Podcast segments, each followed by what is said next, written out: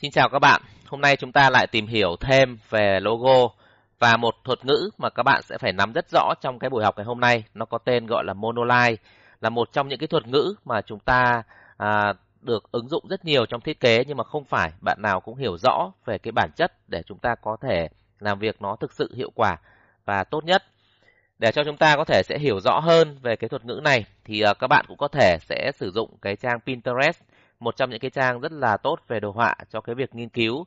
Chúng ta sẽ gõ những cái từ ngữ ví dụ như là monoline, ờ, logo thì các bạn sẽ nhìn thấy là nó sẽ ra được rất nhiều các cái kiểu biểu tượng logo và được kết nối và nhìn thoáng qua thì chúng ta sẽ thấy rằng là bản chất ở đây là được tạo bởi các cái đường thẳng.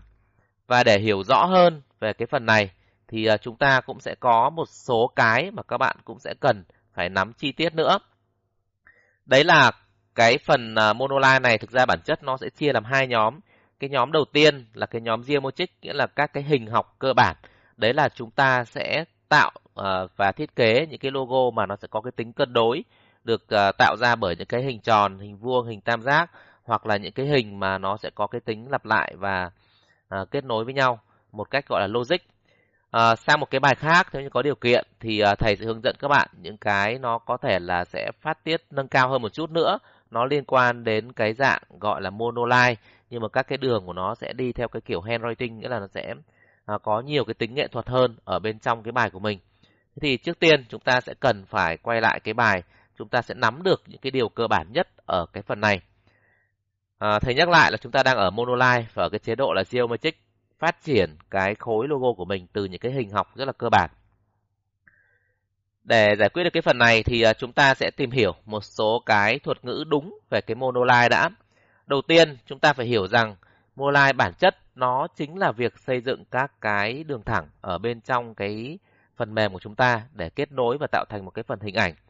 Và bản chất của cái đường thẳng này là chúng ta sẽ phải tạo làm sao nó sẽ có cái độ dày đậm nó sẽ bằng nhau ở tất cả các đường. Ví dụ như ở đây chúng ta sẽ chọn một cái hình bất kỳ và chúng ta có thể nhìn thấy rằng là khi mình chọn nó thì mình hoàn toàn là mình có thể là sẽ thấy được nó đang ở cái chế độ các cái đường line và chúng ta hoàn toàn có thể sử dụng bộ công cụ stroke để chúng ta có thể phóng to, thu nhỏ được các cái nội dung ở đây. Ví dụ như là chúng ta sẽ nhìn thấy là ở cái hình này chúng ta sẽ tăng cái à, độ dày đậm cho cái phần à, uh, stroke của nó thì nó rõ ràng là nó có thể là sẽ được dày đậm theo.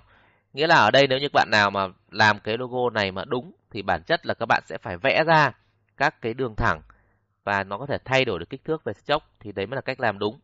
Như các bạn à, đang nhìn thấy ở đây là thầy đã có rất nhiều các cái mẫu mà thầy à, tổng hợp lại ở một số cái kênh ở trên mạng để cho chúng ta có thể thấy được rằng là à, với cái cách làm sử dụng cái tính chất monoline này, chúng ta có thể tạo được rất nhiều các cái dạng hình học và nó sẽ có cái tính bố cục cũng như là truyền tải thông tin rất là hiệu quả.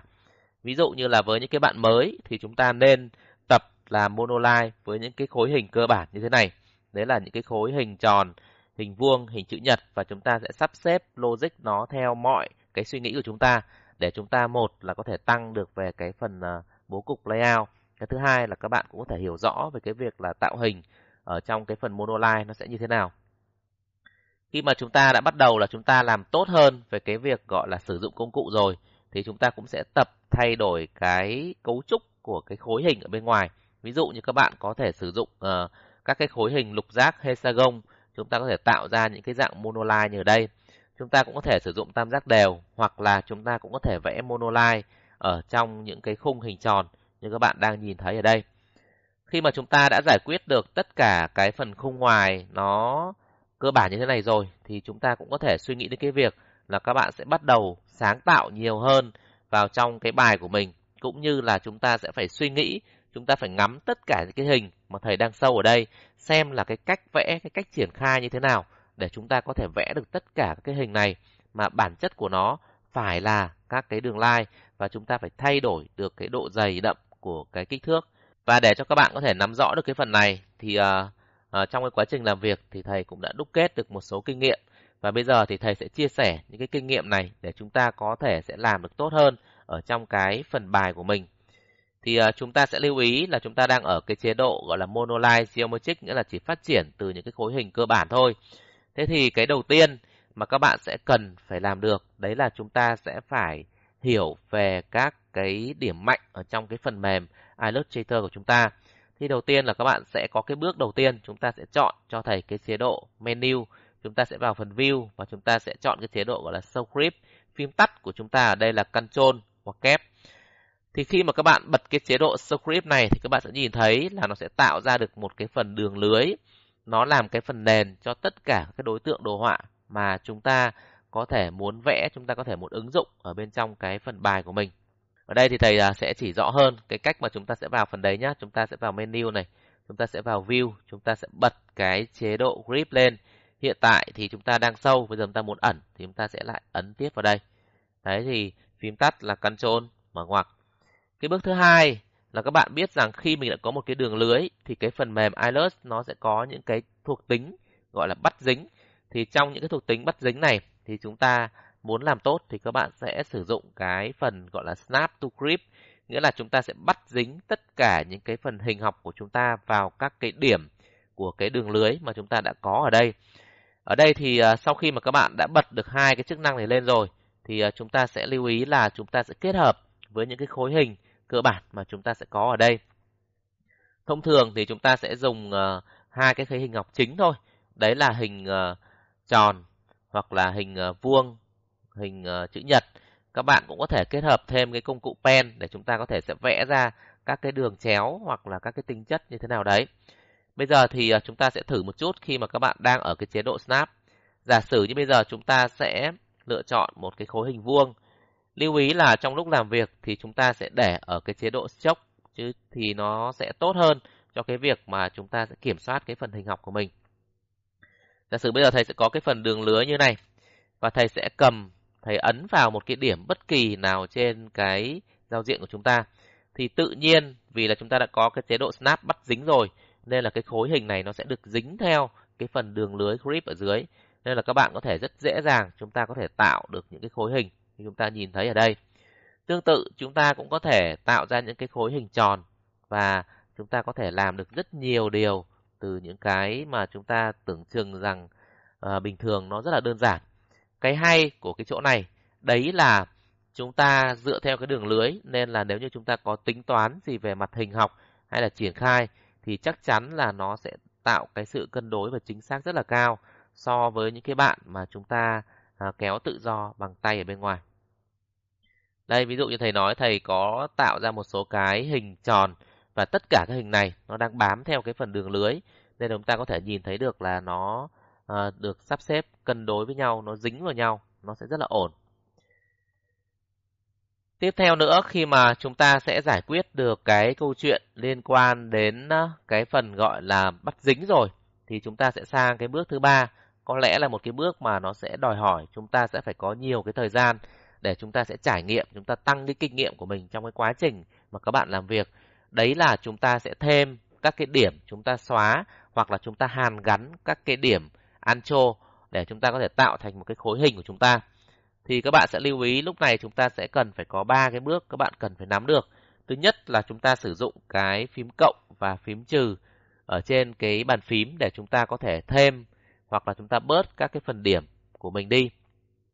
Cái phần thứ hai là các bạn sẽ phải thường xuyên sử dụng cái công cụ à, phím tắt là chữ A ở đây. Nó có tên gọi là Direct Selection Tool để chúng ta có thể tác động trực tiếp vào từng cái phần điểm với những cái phần điểm mà nó không cần thiết thì chúng ta sẽ có cái thao tác là các bạn sẽ chọn cái nút delete và các bạn sẽ xóa những cái phần điểm đấy đi. Và cái cuối cùng ở trong cái phần này, đấy là chúng ta sẽ có thêm một cái chức năng ở trong cái bảng object chúng ta sẽ có cái phần path và chúng ta sẽ có cái phần zone. Ở cái phần này thì nếu như mà hai cái điểm nó cạnh nhau thì chúng ta hoàn toàn có thể hàn gắn nó lại để nó tạo thành một cái đường kín. Đấy là với những cái trường hợp à, chúng ta muốn làm nó chi tiết và hiệu quả. Thế thì để cho các bạn có thể nắm rõ được cái việc thêm xóa này thì thầy sẽ bắt đầu có hai cái ví dụ nhỏ để chúng ta sẽ thực sự hiểu cái quá trình mà chúng ta sẽ tạo ra được một cái khối monoline từ các hình học cơ bản là như thế nào. Ở đây chúng ta sẽ cùng quan sát hai cái phần hình học mà thầy đã tạo ra ở đây để làm ví dụ cho chúng ta. Thứ nhất là chúng ta sẽ nhìn thấy, phải hiểu rõ lại bản bản chất của vấn đề nhá. Đây hoàn toàn là các cái đường thẳng và chúng ta có thể tăng giảm các kích thước rất là hợp lý. các bạn sẽ thấy là về cơ bản tất cả những cái đường thẳng của chúng ta nó đang được bắt dính vào trong các cái đường lưới grip ở phía dưới để cho cái việc là chúng ta tạo hình nó được uh, gọi là căn gióng, chỉnh chu và hiệu quả. Thế thì bây giờ chúng ta sẽ cùng nhau bắt tay, chúng ta sẽ thử triển khai những cái mẫu như thế này để cho các bạn sẽ hiểu là à, cái việc mà chúng ta tạo nên một cái hình nó không khó khăn như chúng ta suy nghĩ. Đầu tiên là chúng ta sẽ phải tạo ra được ờ, một cái phần đường lưới. Thầy nhắc lại các cái thao tác thì thầy đã có ở đây rồi, các bạn sẽ cần xem lại. Ở đây thầy sẽ tắt hết tất cả mọi thứ đi, thầy sẽ làm một cách bình thường này. Chúng ta sẽ vào phần View, chúng ta sẽ ấn vào cái biểu tượng Show phím tắt là Ctrl hoặc Kép. Nó sẽ ra được cái phần đường lưới như này. Tiếp theo, lại vào View, chúng ta sẽ chọn cái chế độ là Snap to Grip, là nó sẽ bắt dính tất cả các cái hình và cái đường của chúng ta. Bây giờ chúng ta sẽ bắt đầu làm với cái công việc của mình. Cái này thì tất nhiên là với kinh nghiệm thì các bạn sẽ cần phải tư duy, chúng ta sẽ tính toán cái cách làm một chút. Chúng ta sẽ tận dụng hai cái phím tắt là phím M để chúng ta sẽ vẽ các cái khối hình vuông hoặc là chúng ta sẽ sử dụng cái khối ellipse để chúng ta sẽ vẽ các cái hình tròn hoặc là chữ phím P để các bạn sẽ vẽ công cụ pen tool. Thì ở đây thì đầu tiên chúng ta có thể sử dụng cái phím clip chúng ta sẽ vẽ ra một cái phần hình như thế này. À, lúc vẽ thì các bạn sẽ lưu ý là chúng ta tắt nền và chúng ta để đường viền. À, trong một số trường hợp chúng ta khó nhìn thì các bạn cũng có thể là sẽ chọn sang những cái màu mà nó sẽ à, dễ nổi bật hơn. Giả sử như ở đây thầy sẽ chọn màu đỏ để các bạn sẽ dễ quan sát so với cái hình gốc ở phía dưới mà chúng ta có. Sau khi có cái phần này rồi thì uh, chúng ta sẽ thấy rằng là cái hình phía dưới nó đang cách điệu một cái biểu tượng. Có cảm giác như nó sẽ liên quan đến một cái lĩnh vực mà liên quan đến trung thu chẳng hạn. Chúng ta đang muốn vẽ một cái thương hiệu bánh trung thu. Nó có trăng uh, có các cái mái hiên rồi thì nó sẽ có cái phần mây. Thế thì chúng ta uh, đầu tiên là chúng ta cứ tạo ra được một cái đường tròn như này đã. Tiếp theo là bây giờ ví dụ như chúng ta muốn tạo ra các cái phần đám mây hoặc là mặt trời thì chúng ta cứ tạm thời vẽ ra các phần hình thì ví dụ như ở đây thầy sẽ tạm thời thầy vẽ ra cái phần hình của cái mặt trời Thế thì sau khi mà chúng ta vẽ xong thì chúng ta thấy rõ ràng là cái phần phía trên này là nó bị thừa và nó không hợp lý. Thế thì cái đầu tiên là các bạn sẽ ấn phím cộng. Chúng ta lưu ý nhá, chúng ta sẽ cộng thêm một cái điểm vào cái phần giao điểm ở đây. Chúng ta sẽ ấn phím cộng này. Sau đấy là chúng ta sẽ để chuột vào và chúng ta sẽ ấn cái phần dấu cộng của chúng ta. Thì lưu ý là khi mà các bạn thêm điểm á, thì các bạn sẽ phải bỏ cái chế độ snap đi nhá. Chúng ta có thể sử dụng phím tắt cho nó nhanh. Đấy thì chúng ta sẽ thêm điểm ở đây. Tương tự là chúng ta sẽ để vào đây, chúng ta sẽ thêm điểm, nó sẽ tự có các cái đường giao. Lưu ý là khi mà thêm điểm thì nhắc lại là chúng ta phải bỏ cái snap thì chúng ta mới thêm điểm được. Sau đấy là chúng ta sẽ lựa chọn các cái công cụ có tên là direction ở đây, chúng ta lựa chọn các cái điểm ở đây. Chúng ta sẽ ấn nút xóa ở trên bàn phím. Thế thì lúc này chúng ta sẽ xóa được tất cả các cái đường ở phía bên ngoài. Sau khi mà các bạn làm xong cái này rồi thì các bạn có thể là chúng ta sẽ bật lại cái chế độ Snap. Chúng ta tiếp tục làm các cái công việc khác ở trong cái phần bài của mình.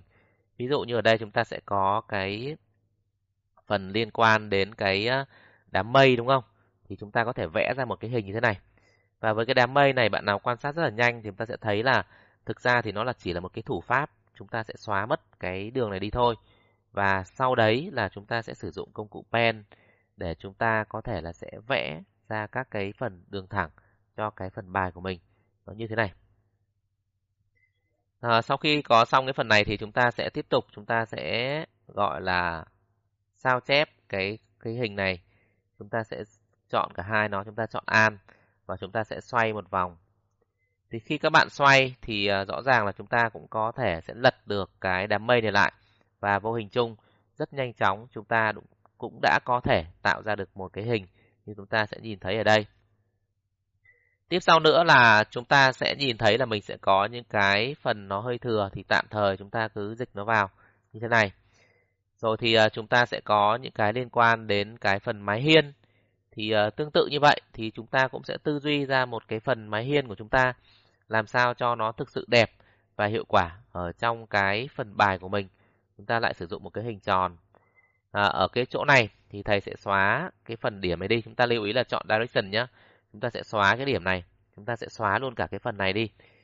Và sau đấy là chúng ta sẽ có thể à, tận dụng một cái công cụ pen để chúng ta sẽ vẽ ra các cái đường thẳng của chúng ta ở đây.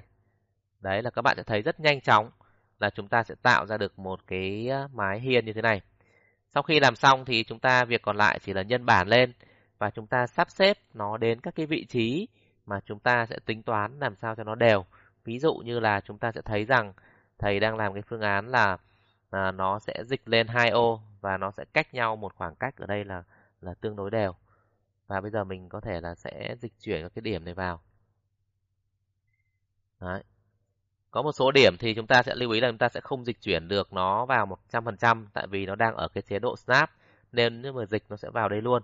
Thì tí nữa chúng ta tắt snap đi thì chúng ta kéo nó vào thì nó sẽ được thôi. Sau khi mà chúng ta xong cái phần đấy rồi thì ờ, chúng ta cũng hoàn toàn có thể sẽ hiệu chỉnh lại các cái vị trí hoặc là chúng ta sẽ uh, dịch chuyển nó làm sao cho nó hợp lý trong cái phần bài của mình. Chúng ta sẽ nhìn thấy ở đây. Đây thì thầy sẽ tạm thời để như này thôi. Rồi. Chúng ta sẽ sử dụng công cụ pen, chúng ta sẽ làm nốt một số cái phần việc ở trong cái phần này.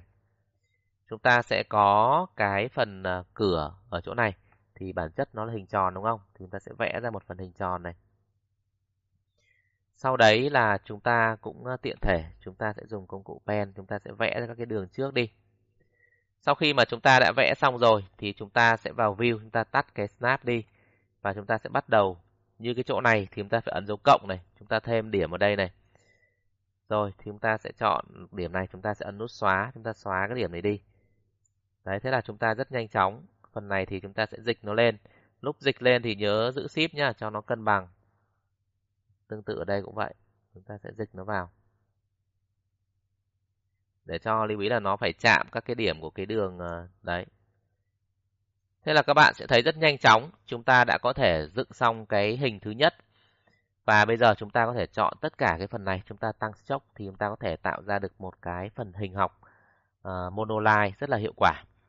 Kỹ hơn nữa thì ờ, các bạn cũng có thể là ở một số cái hình mà chúng ta cần cho nó tốt hơn thì các bạn sẽ hiểu rõ về cái tính chất của cái thằng stroke.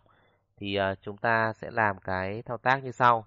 Đấy là chúng ta sẽ lựa chọn cái uh, bạn stroke vào đây và chúng ta sẽ click chúng ta sẽ chọn về cái chế độ là các cái đầu mũ này cho nó bo tròn hết. Thì lúc này các cái phần đầu của chúng ta nó sẽ được bo tròn. Thế là chúng ta đã xong được cái hình ờ, đầu tiên của chúng ta. À, một số bạn như thầy nói lúc đầu nếu chúng ta muốn nó kỹ hơn ví dụ như ở đây thực ra bản chất nó vẫn đang là hai điểm đúng không?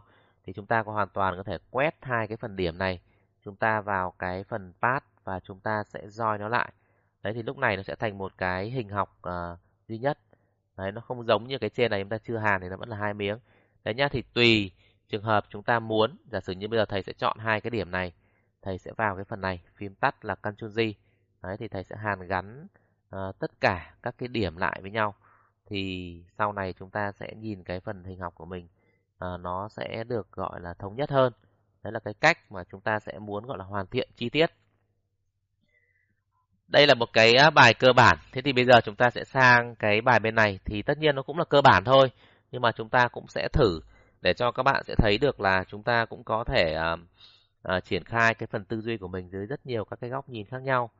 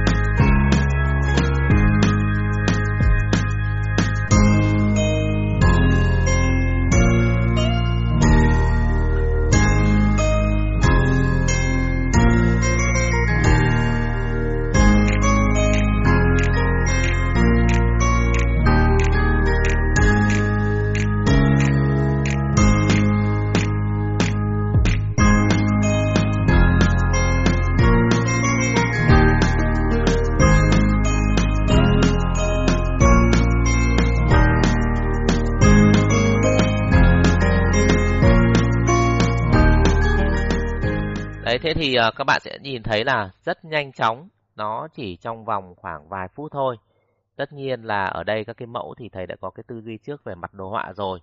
Còn bản thân các bạn, lúc này thì uh, chúng ta sẽ cần uh, tư duy cho nó tốt hơn. Các bạn cũng có thể là sẽ tập phát thảo trước ở trên giấy. Tại vì thầy thấy có rất nhiều bạn là chúng ta phát cái hình này rất đẹp. Nhưng mà khi chúng ta làm á, chúng ta không làm theo kiểu stroke mà các bạn cứ kiểu ngồi đi pen, các bạn cứ đồ viền trong viền ngoài. Nên là một là cái hình không bao giờ nó có thể đều và đẹp được. Cái thứ hai là tùy biến chỉnh sửa của chúng ta là nó cực kỳ yếu. Đấy thì các bạn sẽ chú ý, đây là cái cách tốt nhất mà các bạn có thể biết được ở trong cái việc mà chúng ta sử dụng các cái đường cơ bản để tạo hình.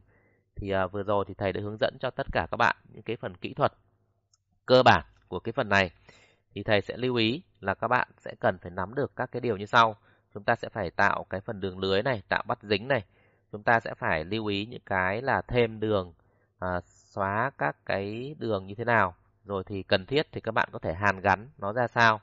Và sau khi mà chúng ta làm xong được thì cái kết quả của chúng ta nó chính là các cái đối tượng được đều đặn và chi tiết như ở đây. Chúng ta sẽ cùng à, xem lại một số cái mẫu nếu như mà bạn nào muốn thực sự mà chúng ta học tốt được cái phần này thì cái lời khuyên của giảng viên đấy là các bạn sẽ phải ngồi luyện tập. Như thế nào? Đấy là chúng ta sẽ tìm những cái mẫu này ở trên cái thằng Pinterest nó có rất nhiều và bắt đầu mình tư duy xem là với những cái hình này thì họ sẽ tạo hình kiểu gì, với những cái hình như thế này thì họ sẽ tạo hình ra sao. Tương tự thì bắt đầu chúng ta sẽ phải nâng cấp dần và nó có cái độ khó cao hơn. Ví dụ những cái hình kiểu như thế này, đấy thì chúng ta cũng có thể tạo được nó không? Rồi thì những cái hình như thế này thì nó sẽ phải như thế nào? Nguyên tắc nhá, mọi thứ nó đều có cái lý do của nó cả chứ không có cái chuyện mà à, chúng ta ngồi chúng ta chấm bằng tay đâu. Nó đều có cái công thức, cái cách làm của nó. Ở đây thầy ví dụ nếu như cái hình này mà bản thân các bạn chỉ tư duy rằng là à, chúng ta sẽ vẽ theo cái kiểu là à, gọi là vẽ hình lục giác xong rồi chúng ta sẽ làm á, là bản chất kiểu gì các bạn cũng sẽ sai. Giả sử như lúc này các bạn có thể sẽ rotate cái phần này khoảng tầm cái góc độ là tầm 30 thôi. Đây. Thì các bạn sẽ thấy được là nó sẽ tạo ra được một cái mặt phẳng ngang. Nghĩa lúc này chúng ta hoàn toàn có thể sử dụng lưới để tạo ra các cái đường ngang này.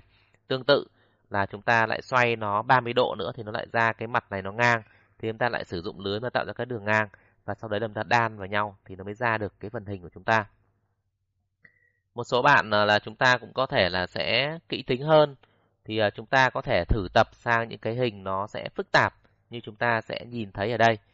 À, những cái hình học mà nó có cái tính chiều tượng phức tạp hơn rất là nhiều so với những cái gì mà mà chúng ta sẽ biết.